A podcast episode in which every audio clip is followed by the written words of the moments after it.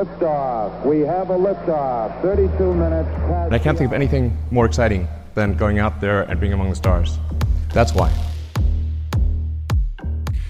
Dansk rumfart står til at få et historisk stort løft. Det fortalte den socialdemokratiske uddannelses- og forskningsminister Jesper Petersen mandag morgen til Radio 4. Der er det altså min holdning, og nu regeringens udspil, at, øh, at vi også skal øge vores engagement øh, yderligere i det europæiske rumagentur.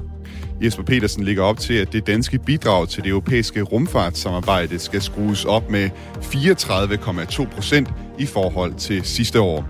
Om lidt så spørger jeg direktøren for DTU Space, om han har armene over hovedet, og vi undersøger, om der kan skaffes flertal for det i Folketinget.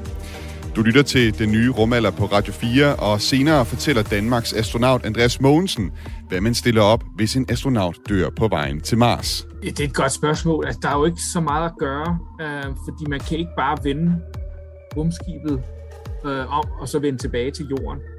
I anden halvdel af programmet i dag, der skal det desuden handle om en russisk kosmonaut, der flyver på en amerikansk rumkapsel.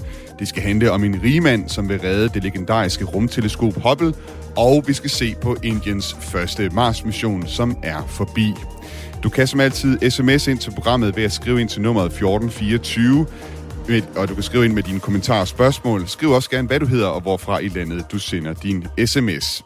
Mit navn er Thomas Schumann. Velkommen til den nye rumalder. Discovery, go at throttle up. Zero G, and I feel fine. Capsule is turning around. Tranquility Base here. The Eagle has landed. I den seneste udsendelse af den nye rumalder, der bragte vi et interview med Josef Aschbacher. Han er generaldirektøren for det europæiske rumfartagentur, det der også forkortes ESA. Interviewet det handlede om, at Josef Aschbacher han gerne vil have, at medlemslandene i ESA og herunder Danmark, at de spytter flere penge i kassen, så ESA kan få sit budget hævet med 25 procent i forhold til budgettet i 2019. Hvis ikke det sker, så bliver Europa hænget af rumkapløbet med USA og Kina, sagde Josef Aschbacher altså. Og så sagde han blandt andet også det her.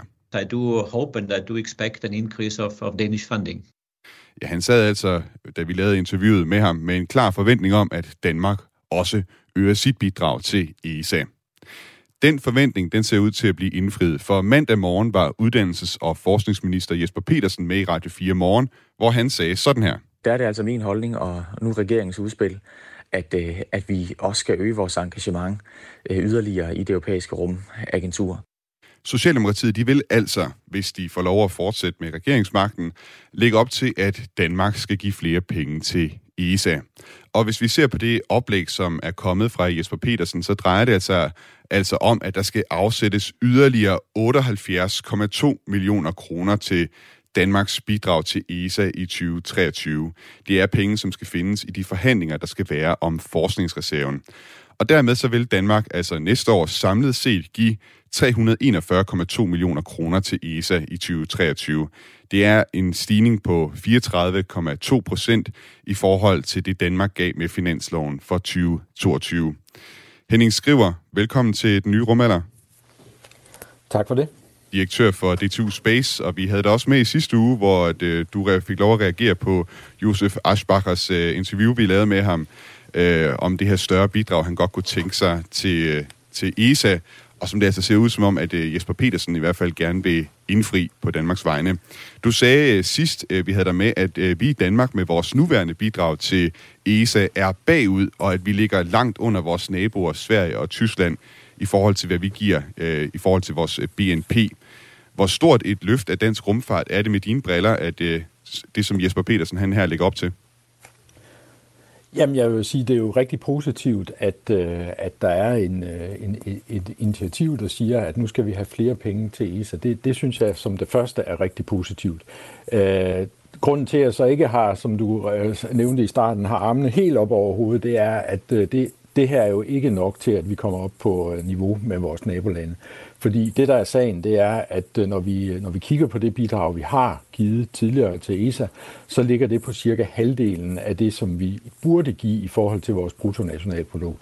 og vi kommer altså ikke op i, øh, i nærheden af det fulde beløb med den her ekstra bevilling. Men det er rigtig positivt, at der kommer ekstra penge, fordi det er sådan set første gang siden uh, cirka 2007, at der bliver lagt flere penge i, i, det, i den her pulje. Så det er rigtig fint hvor højt et øh, beløb skulle vi op på, hvis øh, du skulle have armen op over hovedet? Ja, altså vi skal, jo, øh, vi skal jo nok op på cirka fem gange mere end det her ekstra oveni, for at komme op på, det, på, på samme niveau som nabolandene. Men altså det her er jo et første skridt, og det er jo positivt, at, at der kommer flere penge. Det synes jeg er, er helt klart.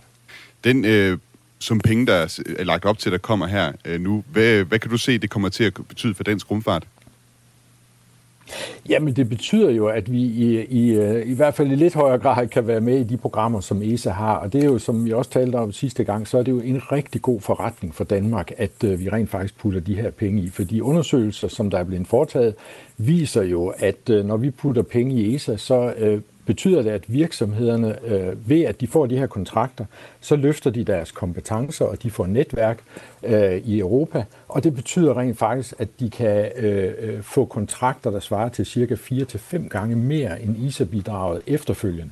Så derfor er det jo en, det er en virkelig en win-win situation, når vi putter ekstra penge i, i ESA. Jeg har også ringet til et par andre folk fra, det, fra den danske rumfartverden, øh, nogen som er altså ret begejstret over den her udmelding.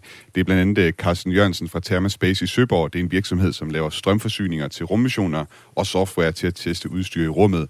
Og så også øh, har jeg ringet til Nils Bus, der er direktør for GomSpace i Aalborg, en virksomhed, der laver små satellitter, dem der hedder CubeSats. Og de er altså øh, begge ret begejstrede, da jeg talte med dem. Men jeg spurgte dem også, om de kunne se nogle hår i suppen, og om der er ting, som alligevel bekymrer dem med de her nye penge, som Jesper Petersen vil give til det danske bidrag til ESA. Her er, hvad Nils Bus fra GomSpace han sagde. Jamen, jeg, jeg, jeg kan godt stadigvæk være bekymret over, at øh, for vores vedkommende at drive en rumfartsvirksomhed, som, som jo er blandt øh, dem, der er de mest fremme i vores segment i rumfartsbranchen, øh, fra et lille land som Danmark, hvor at, at uh, rumfart er så lille, og det, det vil selvfølgelig stadigvæk være en bekymring, jeg, jeg vil blive ved med at have, uh, når, når man tænker på det. Det var altså Nils Bus fra GOM Space. Øh, jeg talte som sagt også med Carsten Jørgensen fra Thermaspace, og hans bekymring det er en lidt anden. Det handler i virkeligheden om, hvordan pengene til ESA de bliver fordelt, for der er mange slags projekter, som kan få penge med bidraget til ESA. Men det er ikke alle, som han mener, har lige meget brug for de her penge. Eksempelvis ikke virksomheder, som laver apps, der bruger data fra rummet. Det er der også programmer til i ESA. Men det at lave en, en, en app, øh, til din mobiltelefon, som udnytter for eksempel Galileo og Copernicus data, og så få, få, få en god forretning ud af det, det kræver altså ikke den store finansiering, men det at bygge satellit, der sørger for dataerne, det kræver finansiering. Det er derfor, jeg siger, at øh, pengene skal kanaliseres hen der, hvor den højeste finansiering, øh, øh hvor, det, hvor der er behov for den højeste finansiering. Henning Skriver, direktør for DTU Space. Hvad siger du til de bekymringer, der kommer her fra Carsten Jørgensen og Nils Bus? Jamen, jeg synes, det, det der er vigtigt, og der hvor vi, altså vi er jo i Danmark, både på virksomhedssiden og på forskningssiden, på, på universitetssiden, er vi jo virkelig med øh, aller længst fremme i verdensklasse på en hel række områder. Så vi har rigtig meget at tilbyde her. Øh, så, og, og det, der er vigtigt, øh, set fra vores side, det er sådan set, at vi er med i hele kæden, lige fra vi bygger instrumenterne, til vi udvikler de metoder, der skal analysere data, og til vi anvender dem. Så hele kæden er faktisk vigtig for, at, øh, at vi kan komme foran og er foran øh, de øvrige øh, spillere på det her område. Så, så, så det er vigtigt, at vi dækker hele spektret af, af rummissioner, kan man sige. Look at the space economy, and what does that mean? That means jobs. That means gross national product. Nu er det, vi diskuterer her, jo et oplæg fra uddannelses- og forskningsminister Jesper Petersen fra Socialdemokratiet, og det er jo noget, der skal findes et flertal for i Folketinget for at blive realitet. Vi har forsøgt at finde ud af her på redaktionen, om der er et flertal øh, for det, øh, og, og ragt ud til partierne i Folketinget. Vi har fået at vide fra det konservative Folkeparti, at de bakker op om forslaget. Det gør Danmarksdemokraterne også. Øh, enhedslisten siger, at de afventer et egentligt forhandlingsoplæg fra regeringen, og først vil forholde sig til det der. Og så har vi desuden forsøgt at få fat i radikale venstre og SF, men de er ikke vendt tilbage til os endnu. Men det er du, Anne Honoré Østergaard. Velkommen til den nye rumalder. Tak skal du have. Du er folketingsmedlem for Venstre og næstformand i Folketingets Uddannelses- og Forskningsudvalg. Øh, med Socialdemokratiet, Konservativ og Venstre, der vil der være flertal for forslaget fra Uddannelses- og Forskningsminister Jesper Petersen. Anne, vil du være med til at give Danmark et øh, historisk øh, løft af, af rumfarten, sådan som Jesper Petersen ligger op til? Øh, I Venstre der er vi i hvert fald meget, meget positive. Vi, nu skal vi jo altså lige se forslaget og finde ud af, hvor finansieringen er. Altså noget, du ved, små detaljer, hvor de kommer fra, hvor det stammer fra. Men vi er meget, meget positive, fordi der er jo ikke nogen tvivl om, at, øh, at øh, rumforskning generelt, øh, det er jo ikke rigtig noget, vi politikere vi taler om. Og det er, det er faktisk et problem, synes jeg. Øhm, øh, fordi det, det, det betyder jo, som jeres intro også var ved at sige, at, at vi går glip af, af ret stor, mange jobs i virkeligheden, stor forretning, fordi det er jo øh, en, en vigtig del for netop Danmark, og, og vi, vi, vi går virkelig glip af rigtig mange øh, forskellige tiltag eller muligheder, som, som kunne gavne os generelt. Det, jeg tror bare, at det med rummet, det, det er sådan lidt konfust for mm. os alle sammen. Så, så, så det gør, at, at, at, at det nok ikke lige er at der, hvor vi altid lige sætter ind. Men, men det har jo uendelige muligheder. Ja. Betyder det så, Anne, Anne Honoré Østergaard, at uh, du vil give flere penge til, uh, til det danske bidrag til ISA? Det betyder, at vi er meget, meget, meget, meget, meget, meget, meget, meget positive til det. det. Det er bare, at jeg står her ikke med en kæmpe pose penge, men, men jeg prøver, håber, du kan høre, at, at vi er i den rigtig positive ende, fordi som det jo også er blevet sagt, vi giver jo næsten ingenting til ESA i dag. Altså, det, det, er jo, det, er jo, det er jo næsten pinligt i forhold til de lande, vi sammenligner os med. Øhm, og det duer ikke. Så vi skal op på et højere niveau. Øh, det er der ikke nogen tvivl om, at vi skal. Spørgsmålet er, hvad er det rigtige tal, og, og så videre. Og som der også er blevet sagt, så er det her jo et skridt i den rigtige øh, retning. Øhm, i, I Venstre der har vi nogle gange tænkt på, om, om alt det her med rummet, rumforskning osv., om det ligger det rigtige sted. Men det mener jeg, om, om det skal ligge i uddannelse og forskning, eller vi egentlig skal til at begynde at se det som erhvervspolitik. Øh, fordi der er jo kæmpe uendelige muligheder. Øh, altså i, i dag, der, der, fordi der er jo den her, hele den her virksomhedsside, som ikke altid bliver til gode set. Øh, og, og det kan jeg godt se som et problem faktisk. Øhm, så, så, så, så noget skal der ske. Jeg kunne godt lige tænke mig at få Henning Skriver med på banen her igen, direktør for øh, DTU Space, for øh, Anne Honoré Østergaard fra Venstre, hun øh, nævner jo øh, to ting her. Dels, at måske indsatsen øh, på rumfart, rumfartområdet, det måske ligger et øh, lidt forkert sted, og desuden også, at der måske fra politisk side er lidt for lidt øh, opmærksomhed omkring øh, rumfart. Hvad, hvad tænker du, når hun siger det, Henning Skriver? Altså, jeg, jeg tror jo, at øh, det er en af de ting, som er i gang med at blive ændret meget dramatisk, fordi det er jo helt klart, at øh, rumteknologi kommer til at spille, og spiller allerede en stor rolle i forhold til sikkerhed og forsvarspolitik og, og, øh, og de tiltag, der, der er der. Øh, og det ser vi jo allerede nu, en stor interesse inden for, for forsvaret og, og andre dele af industrien, der siger, at øh, rumteknologi kan faktisk spille en væsentlig rolle i forhold til sikkerhedspolitik. Øh, plus, der er også det aspekt i europæisk autonomi, Altså det, at vi har vores egne systemer i Europa, gør, at vi, vi bliver mere uafhængige af andre, uafhængig af, øh, hvordan den politiske situation nu er i dem, vi øh, normalt øh, samarbejder med. Så det er også et vigtigt element her. Øh, og, og jeg kan sige, at, at jeg synes jo faktisk, at vi har et fantastisk godt samarbejde mellem universiteter og industrien i Danmark. Øh, vi, vi er faktisk ret tætte der, så øh, det er ret vigtigt, at, øh, at vi både har, kan man sige, forskningsdelen, men også industridelen, fordi begge dele er, er, er vigtige i den her sammenhæng. Anne øh, Honoré du kan få lov lige her og, og svare også kort på det, som øh, Henning øh, skriver, han siger her. Ja, men det, jeg, jeg er på ingen måde uenig. Øh, der er jo to sider af det her, og det er jo også derfor, at der, der jo heller ikke er, er sket noget endnu på området. Øh, men det mener jeg, at vi ikke har foreslået, at det flyttet eksempelvis. Fordi det, men det er bare, at når vi i så lang tid ikke rigtig har vil give, give noget ordentligt på det her område, altså et ordentligt bidrag til ESA. Øh, det nyeste, det, det er jo, at det, det nyeste lovforslag øh, med hensyn til raketter, Øhm, det, det er jo ikke noget, der på nogen måde styrker dansk mm. rumforskning. Det, det regeringen er kommet med der. Mm. Øhm, og, og, det, og, og selvom der var kommet massive protester på det, så, så for, for over et år siden, så er de jo foreslået, foreslået akkurat det samme øh, en gang til. Så, så der er nogle ting, vi bliver nødt til at diskutere, om, om vi reelt har forstået vigtigheden af rumforskning. Fordi altså dybest set, så skal vi jo, vi skal jo forbedre det. Vi skal ikke afvikle det. Jeg vil gerne sige tak til jer begge to, fordi I var med i dag. Altså Henning Skriver, direktør for D2 Space, og Anne Honoré Østergaard, medlem af Folketinget for Venstre. Space is the place. Space is where it's happening now. Space is where so many of the new creations and inventions are occurring. Vi vender os mod noget helt andet, for en gang imellem så får jeg nogle rigtig dejlige spørgsmål fra jer lyttere derude, som jeg har skrevet ind til mailadressen den nye rumalder radio4.dk. Her er en mail, som jeg fik fra en lytter ved navn Peter, som skriver, Hej, jeg vil egentlig gerne vide, hvad man gør, hvis et besætningsmedlem på vej til Mars dør i rummet, og hvis nu vi siger, at der udbryder en sygdom, man dør af på sådan en tur. Hvor mange ud af for eksempel 10 astronauter skal være tilbage for at kunne styre et rumskib? Det synes jeg er et fedt spørgsmål, og derfor så fik jeg også fat i Danmarks astronaut Andreas Mogensen og bad ham svare på, hvad man gør, hvis et besætningsmedlem dør på vejen til Mars. Ja, Det er et godt spørgsmål. Altså, der er jo ikke så meget at gøre, øh, fordi man kan ikke bare vende rumskibet øh, om, og så vende tilbage til jorden.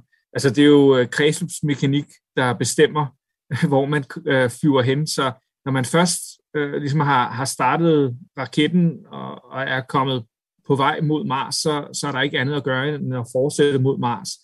Øh, spørgsmålet er så, om man så lige kan svinge rundt om Mars og, og vende tilbage til jorden. Øh, det kan man nok heller ikke, fordi så har jorden flyttet sig. Øh, så på sådan en Mars-mission er man sandsynligvis bundet til, til hele missionen. Um, og det er jo lidt af det samme som med, med, med månemissioner, dog øh, fordi månen er, er, er tættere om jorden og, og kredser om jorden, så kan man lave det, der hedder en, hvis man, er, hvis man nu har øh, hvis man nu har planlagt ordentligt, ligesom man gjorde med Apollo, så kan man lave sådan en, en flyby eller en free return trajectory, ligesom man gjorde under Apollo 13. Ikke? Der fløj de lige rundt om, om månen, og så øh, vendte de øh, direkte tilbage til jorden. Men selv under Apollo 13, der kunne de ikke bare vende rumskibet rundt halvvejs øh, på vej til månen, og så man sige, returnere til jorden. De blev simpelthen nødt til at flyve hele vejen ud til månen, rundt om månen og tilbage igen, og det er simpelthen på grund af, af kredsløbsmekanikken. Det kan jo lyde lidt øh, makaber, eller kan være makaber, der tænker over i hvert fald, hvad man så måske i det tilfælde skulle stille op med, med livet af den afdøde astronaut. Så skulle man vel tage, tage det med, eller så ville man smide det over bord, eller hvad tror du? Altså, det, det, det er et godt spørgsmål. Du kan jo ikke smide det over bord, medmindre du tilfældigvis har en, en, en luftsluse. Ja, og så vil det jo heller ikke...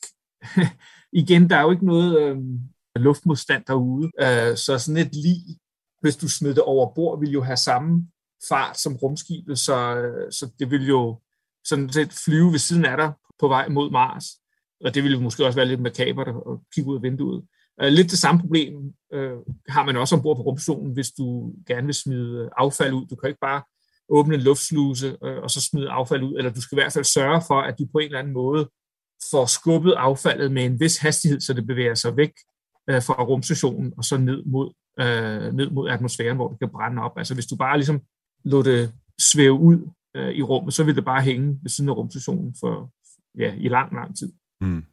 Lad os tage den anden del af Peters spørgsmål, som handler om, hvad der nu øh, hvad man ville skulle gøre, hvis der udbrød en øh, sygdom, og øh, den sygdom, den rammer øh, mange af astronauterne ombord, sådan at der kun er få astronauter til at tage styringen af rumskibet. Hvor mange skal der egentlig til for at styre sådan et øh, rumskib? Igen, det kommer an på, hvordan man, øh, hvordan man planlægger missionen, og hvordan man træner astronauter. Men typisk, øh, sådan historisk set, og også det vi gør i dag, det er, at vi har øh, i hvert fald to mennesker, der kan løse alle de kritiske funktioner. Ikke? Så, så for eksempel på Dragon-rumskibet, som jeg skal op med, så er der en kommandør og en pilot, øhm, og de bliver trænet øh, til samme niveau. Øhm, så hvis der sker noget med den ene, jamen, så er der stadig en anden person, der kan styre rumskibet og, og, og bevare kontrollen. Og det samme med, med Soyuz-rumskibet, som jeg fløj op med i 2015, der er der også en kommandør, og så er der en, i, i det tilfælde hedder det ikke pilot, det hedder board engineer, altså en flyingeniør, kan man kalde det. Øhm, og det var også den rolle, jeg havde øh, ombord på Soyuz, så der blev jeg trænet til præcis samme niveau som øh, min øh, russiske kosmonautkollega, der var kommandør. Så hvis der var sket noget med ham, hvis han havde fået det dårligt og var blevet syg, jamen så kunne jeg så overtage øh, styringen og kontrollen med, med Soyuz-rumskibet. Nu er du jo ved at forberede dig på din øh, næste mission i rummet. Bliver I astronauter også trænet i for eksempel at skulle håndtere et dødsfald i rummet, eller hvis der skulle udbryde, udbryde øh, sygdom øh, op på den internationale rumstation? Ja, altså i tilfælde er der jo ikke så meget at gøre, men jo, vi bliver trænet i øh, ikke alene førstehjælp og udvidet førstehjælp, men også en masse andre ting, øh, fordi vi skal jo kunne redde hinanden. Det kan jo godt ske, at en af os får øh, et hjertetilfælde, for eksempel, ikke? og så skulle vi, skal vi kunne, øh, kunne løse det. Men altså, vi er så så heldige at bruge rumstationen, at vi har en, en masse medicin, øh, næsten alt, hvad man kan tænke sig.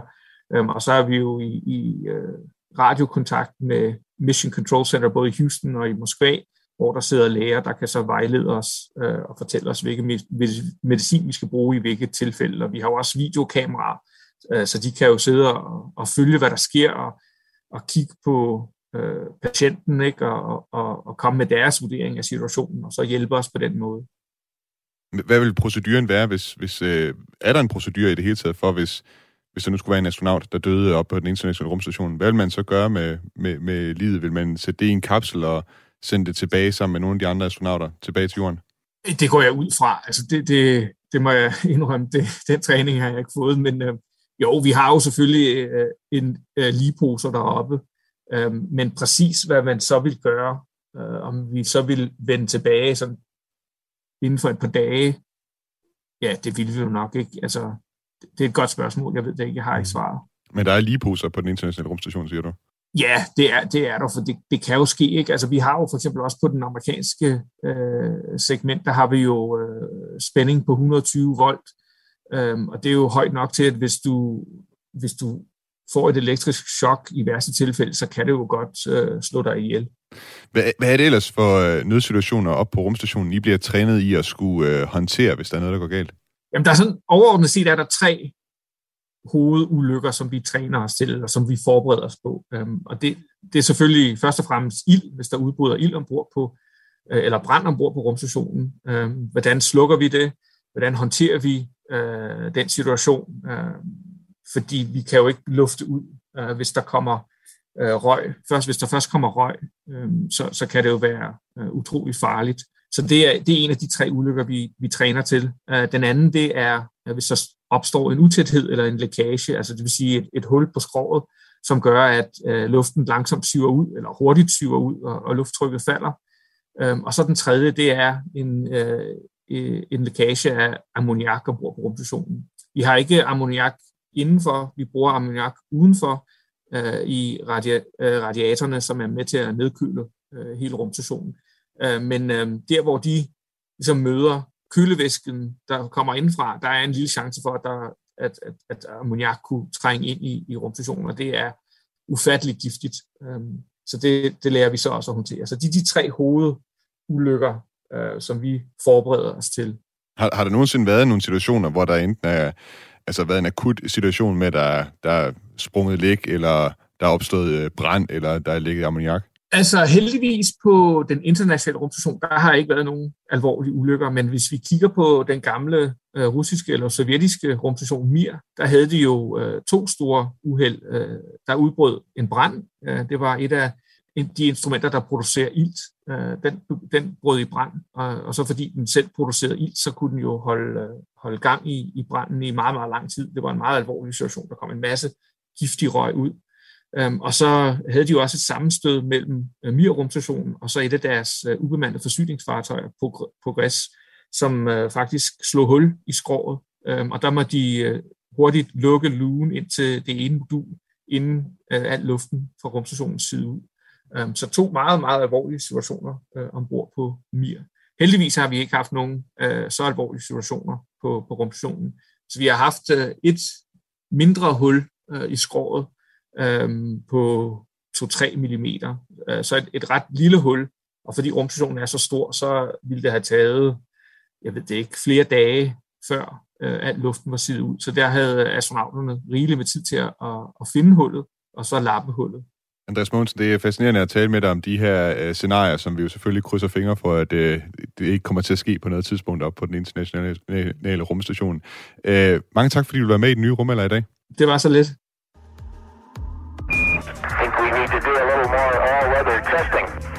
I det var altså et øh, spørgsmål, som vi havde fået fra øh, vores øh, lytter Peter, som havde spurgt om indtil det her med, hvad der sker, hvis, man, hvis der dør en astronaut. Vi har også fået et spørgsmål om ESA's samarbejde med Kina i rummet. Det spørgsmål, det forsøger vi at besvare i næste udsendelse af den nye rumalder, rumalder i næste uge. Nu er der snart nyheder her på Radio 4. Vi skal se på øh, nogle rumfartnyheder, når vi kommer om på den anden side, men her er altså et nyhedsoverblik på Radio 4. Tranquility Base here. The Eagle has landed. I believe our future depends powerfully on how well we understand this cosmos in which we float like a mote of dust in the morning sky. Bare fordi der er udskrevet folketingsvalg her hjemme i Danmark, så står tingene altså ikke stille ude i den store rumfartverden. Vi skal i anden halvdel her af programmet se på nogle af de seneste store nyheder fra rumfartens verden, og jeg har taget tre overskrifter med, som vi dykker ned i den her gang. Den første overskrift lyder, mens Putin truer Vesten med atomvåben, flyver russisk kvinde i amerikansk rumkapsel. Min næste overskrift, den lyder, Rigemand vil redde NASA's legendariske Hubble-rumteleskop. Og den sidste overskrift lyder, Indien mister forbindelsen til deres første Mars-mission. De historier dykker jeg ned i med min øh, næste gæst i programmet, som er Michael Linden Børne, der er chefkonsulent ved DTU Space. Du kan som øh, sædvanligt altid skrive ind på sms'en med dine kommentarer og spørgsmål ved at skrive ind til nummeret 1424. Skriv også gerne, hvad du hedder og hvorfra i landet du sender din sms. Du lytter til den nye rumalder på Radio 4. Houston Discovery, go ahead. Discovery, go at throttle up. And Discovery Houston, we've got a good picture of Steve. Roger roll, Discovery.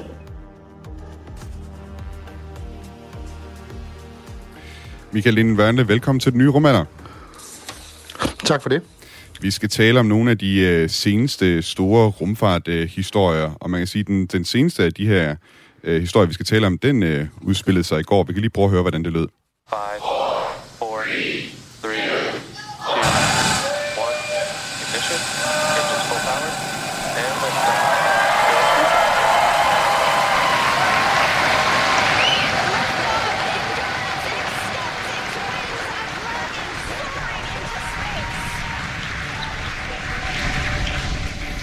Ja, I går blev et uh, nyt hold astronauter sendt op til den internationale rumstation i en af SpaceX's øh, Dragon rumkapsler.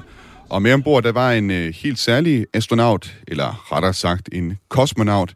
Det var Anna Kikina, en russisk kosmonaut fra Roskosmos.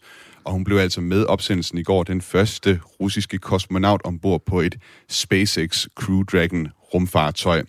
Og det sker altså samtidig med, at forholdet mellem Rusland og Vesten er iskoldt, og at Ruslands præsident Vladimir Putin truer med atomvåben i forhold til krigen i Ukraine. Uh, Michael Lindbørne, før vi dykker ned i opsendelsen af Anna Kikina til den internationale rumstation, så vil jeg gerne lige tage en øh, lille omvej, fordi jeg har lagt mærke til, at du også er med i følgegruppen til den rapport om Danmarks sikkerhed, som regeringen offentliggjorde tidligere på ugen. Det er den, der hedder Dansk Sikkerhed og Forsvar frem mod 2035. Og det er jo en rapport, som tager udgangspunkt i den nye trussel, som Rusland er blevet over for Danmark og Vesten.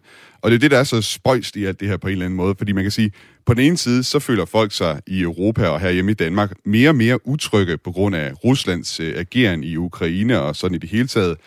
Og så på den anden side, så flyver amerikanske og europæiske astronauter i rummet side om side med Ruslands kosmonauter. Virker det ikke også øh, på dig sådan en, en smule surrealistisk? Jo, det kan man sige, men, men nu er det jo sådan, at øh, den, den internationale rumstation er jo noget ganske særligt, for den er jo opbygget på en måde, der har et, et meget stort afhængighedsforhold mellem de partnere, der er, altså USA, Rusland, men jo også Europa, det europæiske rumsamarbejde, Japan og det kanadiske rumagentur. Øh, så så øh, det her med, at øh, hvis en partner bare øh, smider, hvad de har i hænderne og melder sig ud, så skaber det altså meget store problemer for hele øh, samarbejdet. Øh, så, så derfor så sådan, har man den her meget pragmatiske tilgang i forhold til, hvordan man øh, Øh, man øh, opererer rumstationen. Jeg går ud fra, at øh, dit bidrag, Michael Linden Børne, til regeringens rapport om dansk sikkerhed, det har været at se på, hvordan øh, Rusland de udgør også en trussel i rummet. Øh, hvilke trusler er der fra Rusland, øh, som vi skal være forberedt på øh, fra rummet? Men altså, sige, det her med at, at have egentlige våbensystemer i rummet er jo sådan set ikke noget, noget nyt, men, men altså, man har jo i de senere år set øh, russisk aktivitet, som, som tyder på, at det, det er både kapaciteter, man besidder, men man jo formentlig også på et tidspunkt vil være villig til at anvende. Vi så i, i november sidste år en antisatellittest, hvor, hvor Rusland nedskyder øh, en af deres egne satellitter med et missil fra, affyret fra jorden, simpelthen for at vise, at, øh, at man, man kan, øh, man har den kapacitet. Um, det skabte en del ballade, fordi øh, den slags skaber jo en masse fragmenter, så det bidrager til en markant forøgelse af mængden af, af, af rumskrot. Faktisk så meget, at øh, der var risiko for, at øh, både den øh, internationale rumstation og den kinesiske måske kunne blive ramt. Det skete så heldigvis ikke. Men man har også set tidligere eksempler på, hvordan øh, russerne de øh, både udvikler og også afprøver øh, systemer i rummet, som formentlig kan bruges til, til offensive handlinger. USA var jo ude i sommeren øh, 2020 og beklagede sig over det, de kaldte øh, en våbentest i rummet, hvor, hvor en satellit havde bevæget sig hen, en russisk satellit havde bevæget sig hen i nærheden af en amerikansk satellit, og der var også andre ting, der, der, der pegede på, at her var der altså tale om øh, ikke bare en inspektion, men rent faktisk et våbensystem, der kunne affyre for eksempel projektiler, som måske kunne skade rumsystemer. Så der er ingen tvivl om, at, øh, at Rusland, men det er også andre aktører, givetvis øh, arbejder med at udvikle og afprøve den slags ting. Fidusen er i sagens natur, at det er sådan noget, man ikke taler så meget om. Det er netop noget, man meget gerne vil, vil holde øh, skjult, fordi øh, man vil helst ikke afsløre, hvad man kan, øh, hvilke muligheder man har, men, øh, men det er jo så spillet. Det går ud på at prøve at afsløre, hvad modstanderen kan, og så øh, øvrigt øh, opbygge sine egne kapaciteter og sikre sin, sin, sine egne systemer ude i rummet mod eventuelle angreb. Lad os øh, vende tilbage til den lidt mere fredelige del af det, og tilbage til Anna Kikina, som altså fløj op til den internationale rumstation i går, sammen med hendes amerikanske og japanske astronautkolleger. Faktisk så er hun den første russer til at flyve på et amerikansk rumfartøj i 20 år, og så er hun også den sjette kvindelige russiske kosmonaut i rummet. Anna Kikinas øh, plads ombord på øh, Crew 5-missionen, som øh, missionen hedder, det er en del af en aftale, der er indgået mellem NASA og det russiske rumprogram øh, Roskosmos, hvor man har byttet pladser ombord på kommende NASA og Roskosmos opsendelser til den internationale rumstation. Michael Linden Wørnle, hvorfor indgår NASA og Roskosmos de her aftaler om, at man bytter pladser på hinandens opsendelser? Jamen øh, igen, øh, der er en, en, en betydelig pragmatik i, øh, i forhold til øh, det samarbejde, der er omkring rumstationen. Og man kan sige, nu her i sommer, i juli måned, der fik, øh, øh der fik Roskosmos, de fik ny øh, chef, øh, Barisov, øh, som afløste Rogorsin, som havde været noget mere hardliner, og som havde været ude allerede inden, at øh, vi så situationen i, med krigen i Ukraine, med, altså i årene op til, øh, og ligesom øh, kom ud med udmeldinger, der sagde, at vi vil ikke være en del af amerikanernes øh, månerejser og alle de her ting, altså man ligesom sætter hårdt mod hårdt.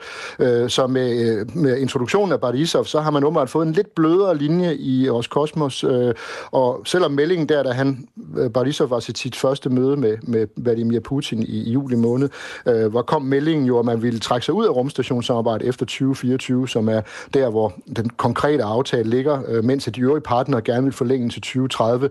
Men så kom der jo ret hurtigt efter sådan en, ej, det var ikke det, vi mente. Vi bliver der nok til 2028, fordi vi vil gerne opbygge vores egen rumstation, men, men det når vi nok ikke til 2024, hvilket øh, giver god mening, fordi der er ingen chance i verden for, at de kan nå det med den måde, deres økonomi ser ud på lige nu. Øh, så på den måde, så, så forholdet sådan øh, blødt lidt op, øh, og man ikke står ikke så hårdt mod hårdt, som man gjorde med den, med den tidligere chef for, for Dos Cosmos.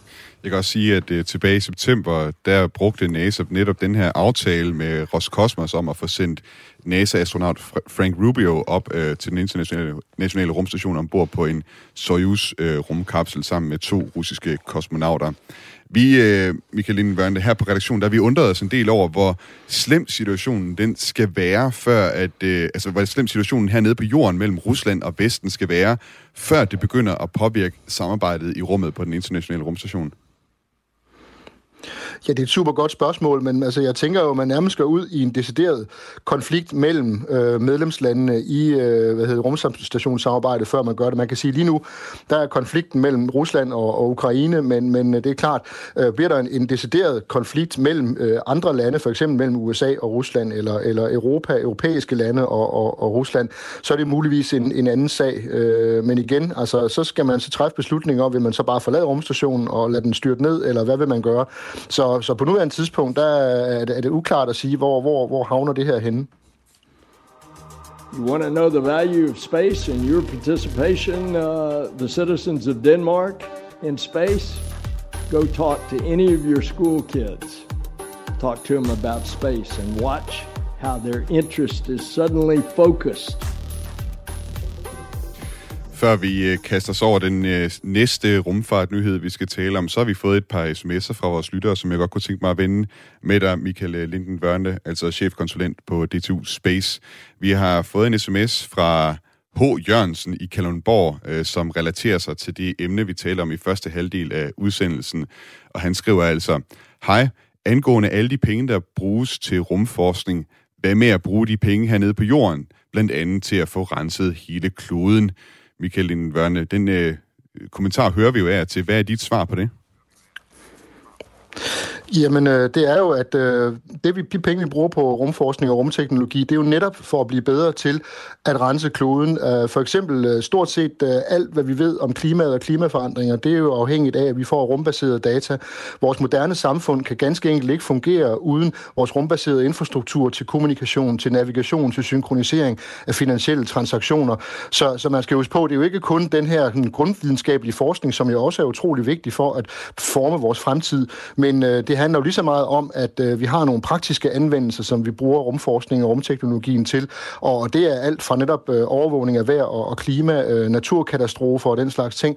Men øh, når man nu taler den grundvidenskabelige forskning, så er den jo utrolig vigtig. Det kan godt være, at det ikke er noget, der lige giver afkast sådan, øh, på den korte bane, men det er jo det, der på længere sigt gør, at vores verden kan, kan øh, forbedres på mange områder. Så rumforskning og rumteknologi, det skal jo ikke være et øh, enten eller, det skal jo være et både og. Vi gør jo det hele, og tingene hænger uløseligt sammen, så man kan ikke bare sige, om så sparer vi det væk, og så gør vi noget andet. Det er ikke sådan, det fungerer. Det var altså et svar her til H. Jørgensen fra Kalundborg. Vi har også fået øh, to sms'er fra, fra den samme lytter her, som er noget optaget af Mars. Øh, lytteren her skriver, Michael Linden Wørnle, hvad skal mennesket på Mars? Skal vi forsøge os og bosætte os der? Og i så fald, hvorfor? Hvad skal mennesket på, på Mars? Finde sig selv? Ha, ha, ha. Skulle mennesket på Mars øh, for at finde os selv? Jeg troede, vi fandt os selv i 1969, da vi kom på månen. Øh, Michael Lindvørnle, hvad skal mennesket på Mars? Jamen altså, ifølge Elon Musk skal mennesker jo bo på Mars. Han mener jo, at grunden til, at vi skal bo på Mars, det er simpelthen for at sikre artens overlevelse. Det er simpelthen, fordi det er for farligt kun at bo på øh, én planet, øh, så derfor er vi nødt til at brede os ud øh, i solsystemet, og hvis teknologien øh, på et tidspunkt tillader det endnu længere ud. Øh, og, og så er det jo sådan, at vi mennesker, vi er jo grundlæggende set er sådan indrettet, at vi rejser ud, vi undersøger, vi er opdagelsesrejsende, øh, og det er jo det, der gør, at vi har opdaget ting, vi har fået gjort nye øh, landvindinger og ny, indsamling indsamlet ny viden. Så, så alt, hvor vi ligesom presser os selv, hvor vi gør nogle ting, som måske virker utrolig vanskelige, øh, det gør jo så, at øh, vi er nødt til at, at finde løsninger på det og, og, og, og klare os øh, på den måde. Altså, hvis man ser filmen The Martian, så får man jo meget godt billede af, øh, hvordan den her menneskelige drivkraft til at løse problemer og på den måde øh, blive klogere og, og få noget mere erfaring, der kan bruges bredere og generelt. Det, det er jo derfor, vi gør alt, vi virkelig alle menneskelige aktiviteter handler jo grundlæggende set om, at vi skal blive bedre øh, til at leve øh, som mennesker i fremtiden. Hvis du sidder derude med et spørgsmål eller en kommentar til dagens udsendelse, så er du altså velkommen til at skrive det ind på nummeret 1424, som øh, de andre lyttere her også har gjort. Nu kaster vi os over den øh, næste af de øh, nyheder, vi har med i posen i dag. Det handler om det ikoniske rumteleskop øh, Hubble, som siden 1990 har svævet over jorden, og med sine dybe billeder af galakser og stjerner har øh, teleskopet forandret vores viden om universet. Men nu, 33, 33 år siden teleskopets opsendelse, er teleskopet efterhånden noget slidt, og på grund af den smule luftmodstand, der trods alt er i kredsløb om øh, tæt ved jorden, så er teleskopet også på vej til at falde ned mod jorden og brænde op i atmosfæren. Vi begynder altså, kunne man sige, så småt at se en ende på, at en af de mest produktive videnskabelige instrumenter øh, er på vej mod sin ende. Og dog, for hvis det står til eh, rigmand og rumentusiast Jared Isaacman, så skal Hubble-rumteleskopet ingen steder lige forløbig. Jared Isaacman han er kendt for sidste år at gennemføre den første fuldstændig private rumflyvning med missionen Inspiration 4, hvor ingen af besætningsmedlemmerne var uddannede astronauter, og de fløj i en privat SpaceX uh, Crew Dragon rumkapsel. Nu har Jared Isaacman så altså kastet sig over for at, at ville redde Hubble rumteleskopet. Og det skal ske i et samarbejde med NASA og SpaceX, som øh, de annoncerede i sidste uge. Man vil simpelthen undersøge, om man kan sende astronauter op til Hubble-teleskopet med en Crew Dragon rumkapsel, og så øh, forlænge teleskopets levetid med 15 til 20 år. Michael øh, Lindenbørnle, chefkonsulent på DTU Space. Hvorfor øh, giver det mening at forlænge levetiden på sådan et gammelt øh, teleskop som Hubble-rumteleskopet? Ja, man kan jo sige det sådan, øh, rumteleskopet Hubble har jo, hvad hedder det, leveret fantastiske videnskabelige resultater, enorme gennembrud, og, og så længe rumteleskopet Hubble fungerer, så bliver det jo bare ved med at give. Så, så den investering, man har gjort i rumteleskopet Hubble, den vil jo bare øh, blive ved med at, at give øh, afkast, så længe man kan holde det i live, så længe det kan fungere. Så, så alle tiltag for at forlænge Hubbles liv, det vil jo bare gøre, at vi får mere videnskab og viden ud af det. Er det ikke noget usædvanligt, at det er sådan en øh, privat rigmand her, der kommer og tilbyder sin hjælp i forhold til at redde et øh, statsligt uh, rumteleskop? Jeg ved ikke, om det er usædvanligt, fordi det er jo det, sådan, som verden ser ud i dag, at øh, fordi man kan i dag, fordi der er private aktører, der rent privat kan gennemføre øh, rummissioner, som, som netop de to private, øh, fuldt private flyvninger, der allerede er blevet gennemført med Crew Dragon-kapsler, og, og hvad hedder det, øh, netop øh, Jared Isaacman, han har jo så købt yderligere tre flyvninger øh, hos øh, SpaceX, og, og nu øh, sætter han sig så ned øh, og sammen med SpaceX og kigger på, kan, Space Dra- øh, øh kan Dragon-rumkapslen så bruges til at øh, gennemføre den her øh, mission til Hubble, hvor man så simpelthen skal have boostet øh, teleskopets bane, så man får det løftet højere op, øh, så det netop ikke styrter mod jorden øh, på grund af luftmodstanden. Og eventuelt også, også kigge på, kan man gøre andre ting? Er der en ting på teleskopet, der måske skal øh, vedligeholdes, der skal skiftes ud? Øh, tidligere har man jo ved øh, de her servicemissioner, der blev gennemført med, med rumfærgerne, øh, der har man jo skiftet batterier, man har skiftet gyroskoper og andre ting, øh, som gør, at øh, teleskopets øh, levetid er, bliver garanteret. Så, så det vil man nu sætte sig ned, og det er jo ikke noget, NASA har, har som sådan øh, bedt om. Det er jo noget, de selv har sagt, det vil vi godt kigge på. Øh, NASA betaler dem ikke noget for det, så SpaceX sætter sig selv ned og vurderer, kan vi gøre det her? Og så må man jo se, når det halve år, man gerne vil bruge på at lave den her analyse, øh, er færdig, øh, er det så noget, der kan gennemføres? Men at sige, rumfærgen, den var jo designet til, at man kunne flyve op og servicere øh, teleskoper, som for eksempel rum, øh, Hubble-teleskopet, som du var inde på. Det gjorde den jo også øh, af flere omgange. Øh, det, det er, så vidt jeg ved, Crew Dragon rumkapslen øh, ikke designet til som sådan. Bliver det ikke en øh, kæmpe udfordring at, og, hvad skal man sige, bruge Crew Dragon rumkapslen til sådan en mission som den her? Jamen, det er jo netop det spørgsmål, den her analyse skal prøve at finde et svar på. Altså, vil det overhovedet kunne lade sig gøre? Og, og hvis ja, hvad vil det så kræve? Skal der for eksempel laves en modificeret udgave af, af Dragon rumkapslen, som den kan bruges til den her øh, type øh, servicemissioner? For det er rigtigt, rumfærgen var jo designet med sit store øh, lastrum, hvor Hubble jo i sin tid lå, da det blev sendt ud i rummet, men hvor man også kunne hente teleskopet ind, fange det med robotarmen, og så øh, lave de øh, reparationer og, og forbedringer, der skulle laves, mens at teleskopet stod fast forankret i, i lastrummet, og så sætte det ud igen bagefter. Så det er klart, det er noget helt andet, vi taler om her, men det er jo netop det, analysen, som nu skal lave, skal vise. Kan Dragon bruges til det? Og hvis ja, øh, vil det så kræve nogle, nogle modifikationer, en, måske en ny version af Dragon-kapslen? Jeg siger, at øh, Hubble rumteleskopet lige nu befinder sig i et kredsløb, der er 400, eller undskyld, 540 km over jorden. Det er cirka 60 km lavere, end da den blev opsendt. Øh, en mission som den her, som vil øh, hvad skal man sige, forøge dens øh, kredsløb, det vil øh, op til dens oprindelige kredsløb, det vil kunne forlænge øh, teleskopets levetid med cirka øh, de der 15 øh, til 20 år. Øh, hvis øh, Hubble-teleskopet ikke får sådan et øh, boost, sådan en forlængelse af dens levetid, så er der 50% øh, risiko for, at teleskopet det falder ned mod jorden omkring 2037. Det udtaler Patrick Cruz, der er projektmanager på Hubble rumteleskopet. Øh, Michael Linden jeg har også læst mig til, at det, det, er, jo, det er jo efterhånden et gammelt øh, teleskop. Øh, det, det er også noget slidt. Hvad er det for skavanker, teleskopet har efterhånden? Jo, men altså, det er jo klart, det er jo øh, gammel elektronik, der sidder deroppe, øh, og elektronik, det ved vi alle sammen, det, det kan jo blive pludselig svigte. Man havde jo faktisk øh, øh sidste sommer, havde man nogle øh, tekniske problemer, hvor man var nødt til at skifte over fra et system til et backup-system for at få det til at fungere. Så, så generelt er det jo sådan, at de sådan sårbare punkter på teleskopet, det er jo øh, energiproduktionen, det er solpanelerne, men ikke så meget dem, men de batterier, der sidder, gyroskoper, som bliver brugt til, at øh, teleskopet kan pege præcist i den rigtige retning. Det har man tidligere set eksempler på, at gyroskoperne de simpelthen var brudt sammen, og de måtte så skiftes ud under, under nogle af de her servicemissioner, som blev gennemført med, med rumfærgerne. Altså alt, kan man sige, elektronik bliver slidt med særlige ting, øh, bevægelige dele er klart, de, de er jo øh, også udsat for, for en betydelig slitage, og så er rummet jo bare et barsk miljø, og det med, at man har haft et teleskop flyvende derude siden øh, april 1990, det er jo i sig selv en, en ganske stor, stor bedrift liftoff, the final liftoff of Atlantis on the shoulders of the space shuttle. America will continue the dream. Den øh, sidste af de øh, tre rumfartnyheder, jeg har taget med her i dag, den handler om en øh, lidt anden øh, rumfartnation, som vi ikke nødvendigvis øh, altid får talt så meget om her på den nye rumalder. India has successfully reached Mars. आप सबको बधाई देशवासियों को बधाई Ja, sådan lød det altså for otte år siden, da Indiens premierminister Narendra Modi på et pressemøde annoncerede, at Indiens Mars-sonde Mars Orbiter Mission havde nået Mars. Indien blev med den her mission den fjerde nation til at sende et rumfartøj i kredsløb om den røde planet i 2014.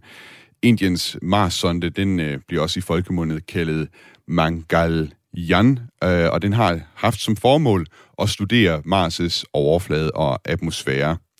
Nu, otte år senere, der har Indiens rumfartagentur ISRO, øh, som altså øh, står for missionen, de har meldt ud, at de endegyldigt har mistet kontakten til deres første interplanetariske rumfartøj nogensinde.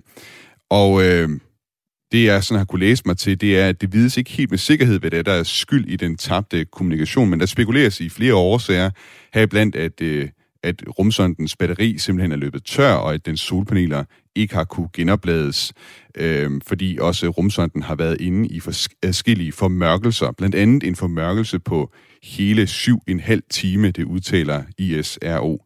Øh, Michael Lindel Børnte, først og fremmest, øh, sådan nogle formørkelser, når man er i kredsløb om Mars, hvordan foregår det?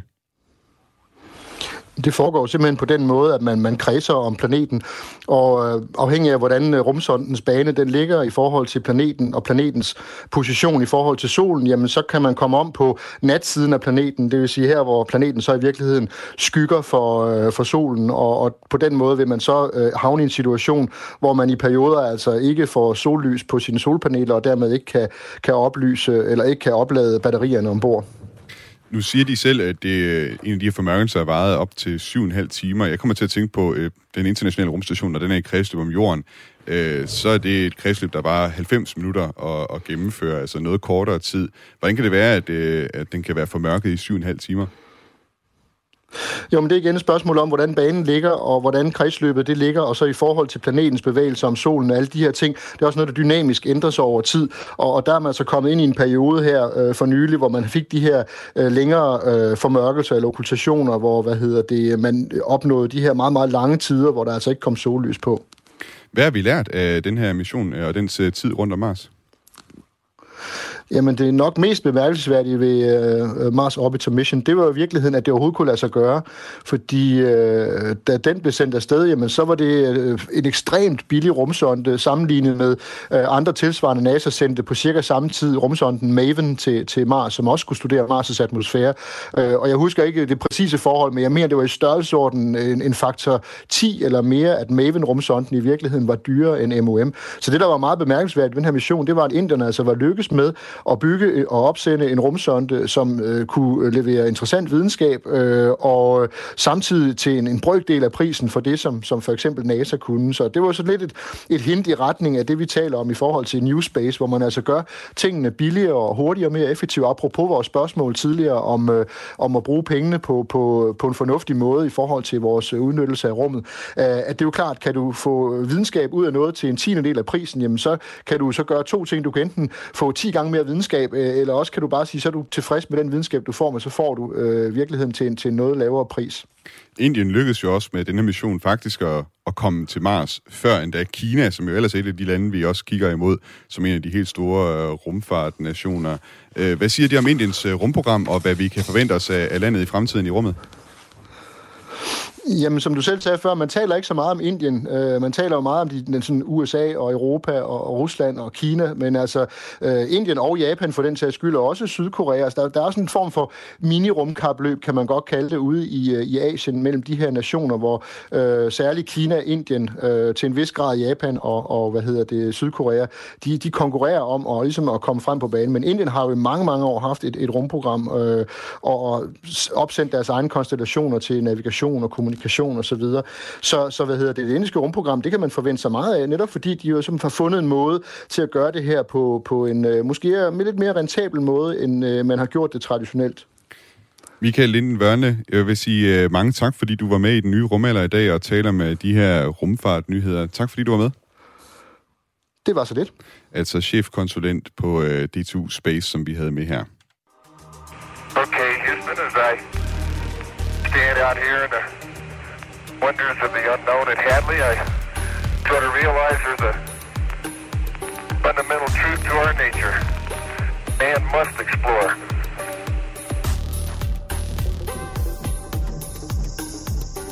Og sige, vi fik øh, faktisk en øh, sms øh, her også, som øh, var henvendt til Michael Linden som jeg ikke lige nåede at få læst op her. Øh, der står i sms'en, øh, Michael Linden Børne, jeg synes, du skulle slå dig sammen med Gunvar Lysbæk Vestergaard og skrive den fedeste bog om, hvem vi er og hvorfor vi er dem, vi er. I er jo begge videnskabsmænd og livsfilosofer. Med den sms, så vil jeg runde øh, programmet af for i dag, som var tilrettelagt af Frederik Lyne. Redaktør på programmet er Dorte Lind. Mit navn er Thomas Schumann. Og musikken, du har hørt undervejs, det er lavet af T-Shot Starfish. Hvis du kan lide den nye rumalder, så vil jeg anbefale dig at downloade Radio 4's app og trykke på følg ud for den nye rumalder. Så får du en notifikation hver gang, der ligger et nyt afsnit klar til streaming. Og hvis du har tips, ros øh, eller andet, eller spørgsmål til os øh, frem for alt, øh, så skriv gerne ind til, det, til den nye rumalder snablag radio4.dk. Særligt med spørgsmål, så skal vi nok prøve at se, om vi kan få nogle gode kilder til at svare på det. Tak fordi du lyttede med i dag. Ad Astra. We should have a base on the moon, like a, a permanently occupied human base on the moon, and send people to Mars, you know, and a city, build a city on Mars. That's where we